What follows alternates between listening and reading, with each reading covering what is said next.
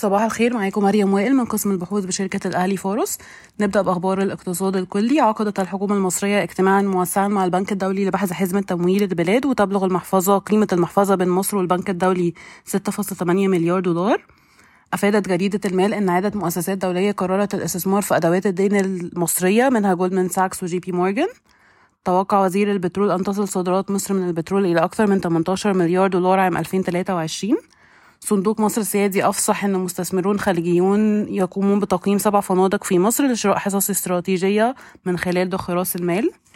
قررت شركة مصر الجديدة للإسكان والتعمير إلغاء اتفاقية الشراكة مع ماونتن فيو للمشاركة في تطوير قطعة أرض هيليو بارك البالغة مساحتها 1695 فدان في ضوء التطورات الاقتصادية الحالية وارتفاع تقييمات الأراضي.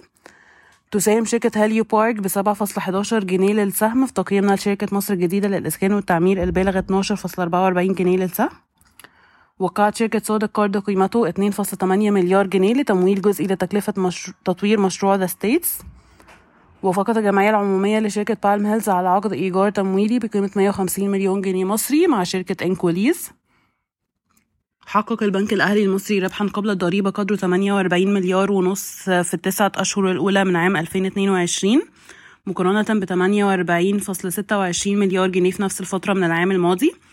والربع الثالث حقق أرباحا قبل الضريبة بلغت 22.77 مليار جنيه مقابل 19 مليار جنيه بنهاية سبتمبر 2021 تطلق شركة سي آي كابيتال وكومباس كابيتال صندوقا للاستثمار في الشركات المدرجة في البورصة المصرية باستثمارات أولية تتراوح ما بين 2 و 3 مليار جنيه دخلت فاليو في شراكة مع شركة تكنولوجيا الخدمات المالية الناشئة Sympl لتوفير حلول, لتوفير حلول دفع ميسرة قصيرة الأجل لعملائها ارتفعت أسعار الدواجن الحية هذا الأسبوع بمقدار 6 جنيه للكيلوغرام لتصل إلى 60 جنيه للكيلو من المزارع على الرغم من, من, انخفاض أسعار الأعلاف بسبب نقص المعروض.